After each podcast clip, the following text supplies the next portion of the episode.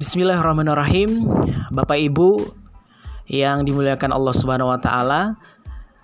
Kuliah WhatsApp di kesempatan malam hari ini mari sama-sama kita awali dengan bagaimana membedakan antara berita, opini dan juga artikel. Terkadang umumnya orang sulit untuk membedakan mana yang berita, mana yang opini, dan mana yang artikel. Dalam kesempatan kali ini, di sesi yang pertama, saya ingin mencoba untuk mengulas apa itu berita dan seperti apa berita itu dibuat, sehingga kita bisa memahami secara komprehensif. Ketika kita diminta oleh pihak sekolah atau mungkin pihak JICT wilayah membuat sebuah berita.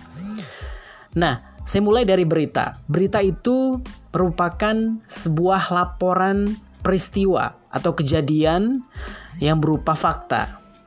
Jadi yang membedakan itu adalah fakta, kejadian, peristiwa. Nah, inilah berita. Kejadian yang itu membuat orang lain mau untuk melihat, mau untuk mendengar dan mau untuk membaca. Artinya apa? Ada sesuatu yang menarik di dalamnya.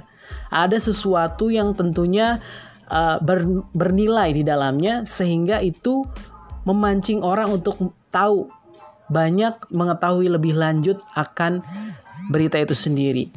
Dan tentunya di samping itu semua adalah pentingnya berita untuk diketahui oleh halayak.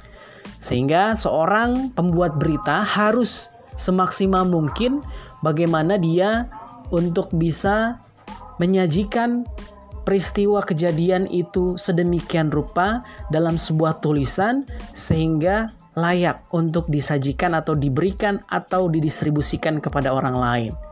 Sementara opini yang harus kita pahami adalah bagaimana opini ini adalah sesuatu yang sifatnya non-fiksi. Karya tulis non-fiksi ini merupakan suatu gagasan, ini merupakan suatu pendapat, ini merupakan suatu ide seseorang, lintasan pikiran seseorang yang sifatnya pribadi, yang disampaikan, yang dicurahkan terhadap kondisi terkini, kondisi yang sedang terjadi saat ini. Jadi memang basically-nya adalah ini adalah gagasan pribadi, gagasan atau ide pribadi sehingga orang mencurahkan apa yang ada dalam pikirannya menjadi sebuah tulisan atau karya tulis sehingga itu semua dirangkum menjadi sebuah tulisan apik dengan uh, mekanisme tentunya uh, sesuai dengan mekanisme penulisannya dan itu di-share atau dibagikan kepada publik. Seperti kita ketahui bahwasanya channel yang biasa dilakukan orang untuk menulis opini ini adalah juga di media sosial dan lain sebagainya. Dan yang terakhir yang akan saya sampaikan ini adalah terkait dengan artikel. Nah, artikel ini artikel hampir mirip dengan opini ya hanya saja memang artikel ada analisa di dalamnya. Analisa yang mendalam ya ini adalah sebuah tulisan non fiksi jadi yang perlu diketahui adalah artikel merupakan sesuatu yang bersifat non fiksi ya dan itu berisi sesuatu fakta dan data yang disertai analisa. Jadi kalau kita ingin membuat artikel jangan lupa kita harus menyertakan data-data. Misalnya data-data terkait misal uh, korban COVID-19 ya. Kita ingin membuat artikel tentang COVID-19 ya.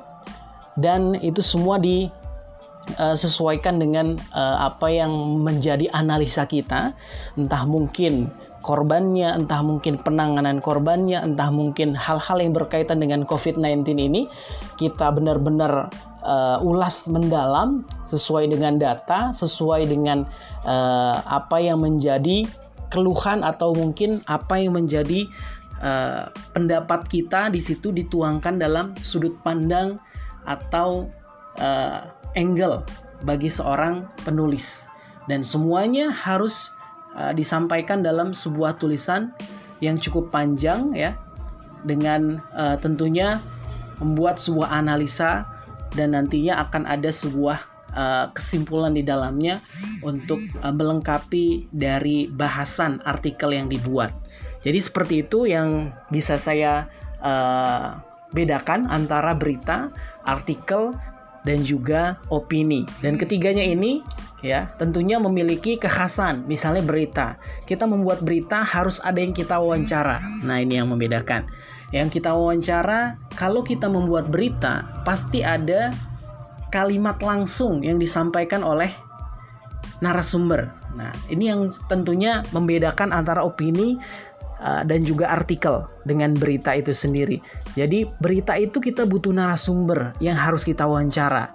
Misalnya kalau ada kegiatan di sekolah atau kegiatan JCT wilayah uh, di wilayah mana saja, misalnya di, atau di sekolah mana saja, ada sebuah event. Nah, yang kita wawancara adalah ketua panitianya. Yang kita wawancara adalah ketua uh, JCT wilayahnya.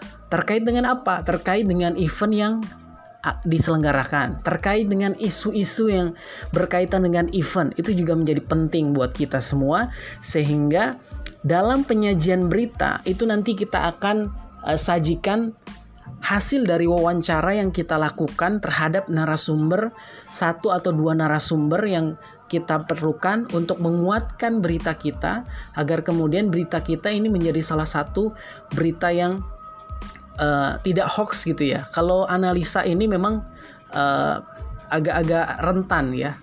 Terutama kalau analis kalau artikel ini memang butuh uh, ada orang-orang yang uh, menulis siapa yang membuat gitu. Opini juga sama, siapa yang membuat opini dan seterusnya. Nah, di situ biasa disertakan. Nah, yang menguatkan berita adalah di situ ada narasumber ya. Kemudian berita itu merupakan laporan pandangan mata atau hal-hal yang sifatnya kejadian atau peristiwa yang terjadi. Nah, ini mudah-mudahan bisa membuat kita eh, membedakan antara berita, opini dan juga artikel. Demikian.